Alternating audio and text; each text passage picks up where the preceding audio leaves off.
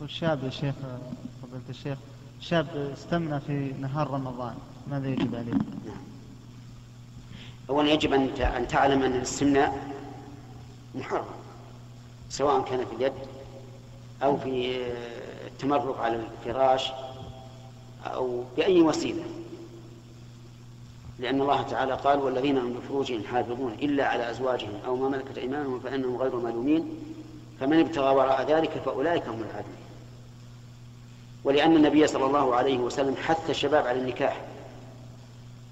وقال يا معشر الشباب من استطاع منكم الباءة فليتزوج فإنه أغض للبصر وأحسن للفرج. ومن لم يستطع فعليه بالصوم. ولم يرشد النبي عليه الصلاة والسلام إلى شيء آخر مع أنه أهون من الصوم وأدعى للقبول. ومع ذلك لم يرشد إليه النبي عليه الصلاة والسلام. فلو كان جائزا لأرشد إليه الرسول عليه الصلاة والسلام. لأنه أشد الناس رأفة بأمته. فعلى هذا الذي فعل أن يتوب إلى الله من الاستمناء نفسه. ثم عليه أن يتوب توبة أخرى. من كونه فعل ذلك في في نهار رمضان. ومن تمام توبته في المسألة الثانية أن يقضي اليوم الذي فعل الذي فعل فيه هذا الاستثناء نعم.